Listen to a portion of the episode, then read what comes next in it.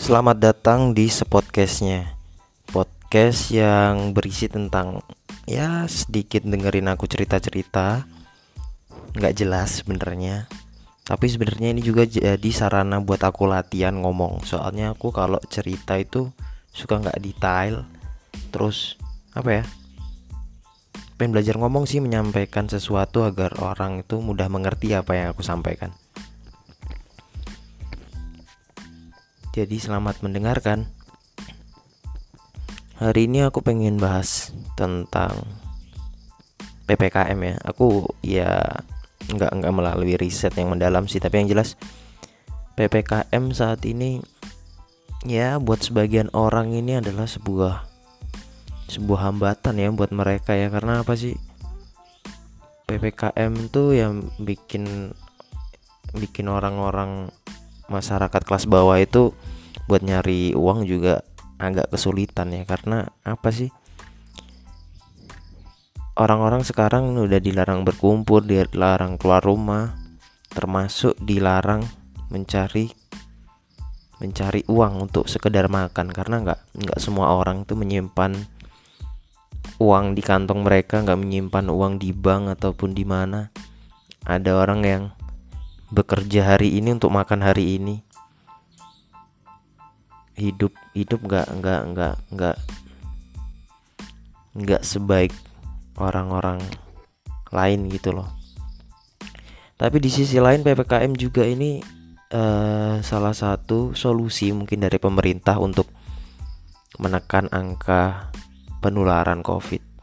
Jadi sesuatu yang serba salah ya di kondisi kayak gini ya uh, antara kita membiarkan orang mati kelaparan atau membiarkan orang tuh mati terjangkit virus sesuatu yang nggak ada belum ada titik tengahnya gitu loh. Lagi pula kalaupun solusinya dikasih bantuan juga bantuan tuh seberapa banyaknya sih gitu. Kecuali bantuannya untuk kehidupan mereka selanjutnya yang terus menerus oke okay lah. Tapi kalau cuma untuk bertahan seminggu juga uh, beberapa minggu kemudian gimana cara bertahannya itu kan. Yang aku takutin kan banyak kasus-kasus kriminal yang akhirnya terjadi itu kan karena banyaknya orang-orang yang kesulitan mencari makan. Ya beginilah sekarang kondisinya bro. Uh, sulit ya karena para masyarakat kelas bawah juga hmm, ya memang sulit gitu loh. Apalagi kemarin sempat ada berita keluar berita kayak sempat ini ya yang tukang bubur tau? Tukang bubur sempat dipidana gara-gara tidak mematuhi prokes eh bukan mematuhi prokes kayak melanggar aturan ppkm ya kan dia kayaknya sempat dipenjara akhirnya akhirnya di, penjara lima tahun atau berapa gitu atau denda 5 juta gitu. Uh itu kasihan banget sih. Ya ya maksudku um, jaksa Pinangki yang korupsi suap urusannya besar-besar aja bisa cuma empat tahun penjara loh. Ini lima tahun. Kurang sadis apa coba hidup ini? Ini cuma tuh tukang jualan bubur loh. Ini harusnya dia itu mencari makan untuk hari ini seandainya atau untuk kehidupan keluarganya. Kalau di penjara lima tahun ya gimana keluarganya mau makan tulang punggungnya jadi kena penjara buset. Betapa sadisnya ya kehidupan sekarang ya. Jadi ngeri gitu kan. Apalagi juga kadang ngelihat uh, apa warung-warung yang akhirnya ditutup. Tapi kadang aku juga apa ya kadang ada beberapa penutupan yang menurutku kurang manusiawi sih. Masa disiram pakai pem apa air pemadam kebakaran. Nih ini orang nyari duit bukan lagi kebakaran pak. Minta tolong lah pakai hati manusiaannya ya ya memang mereka tuh melanggar tapi kan mereka bukan seorang kriminal gitu loh. Mereka nyari duit juga halal. Mereka ngelanggar ya karena ada aturan ini. Sebelumnya kalau nggak ada aturan ini ya juga mereka nggak ngelanggar ya. Mereka nyari duit seperti biasanya gitu loh apa gitu ya maksudnya ini kan juga termasuk aturan baru ya bisa lah pakai dengan cara yang lebih santun kan ketimbang langsung nyiram-nyiram pakai pemadam kebakaran kayak gimana gitu. Harusnya kita juga bisa lebih menghargai kehidupan manusia ya. PPKM PPKM ya seperti biasanya kalau setiap ada pembatasan-pembatasan selalu ada kegaduan-kegaduan kecil entah itu um, kegaduan kecil lah. Setidaknya mereka tuh mau lewat sangat sulit terus cari-cari cara untuk lewat segala macam lah. Selalu begitu. Apalagi waktu mudik. Waktu mudik lebaran kemarin kan sampai beberapa beberapa pintu penyekatan itu jebol ya karena ya menurut mereka uh, penutupan jalan ini ya menutup jalan rezeki mereka gitu loh.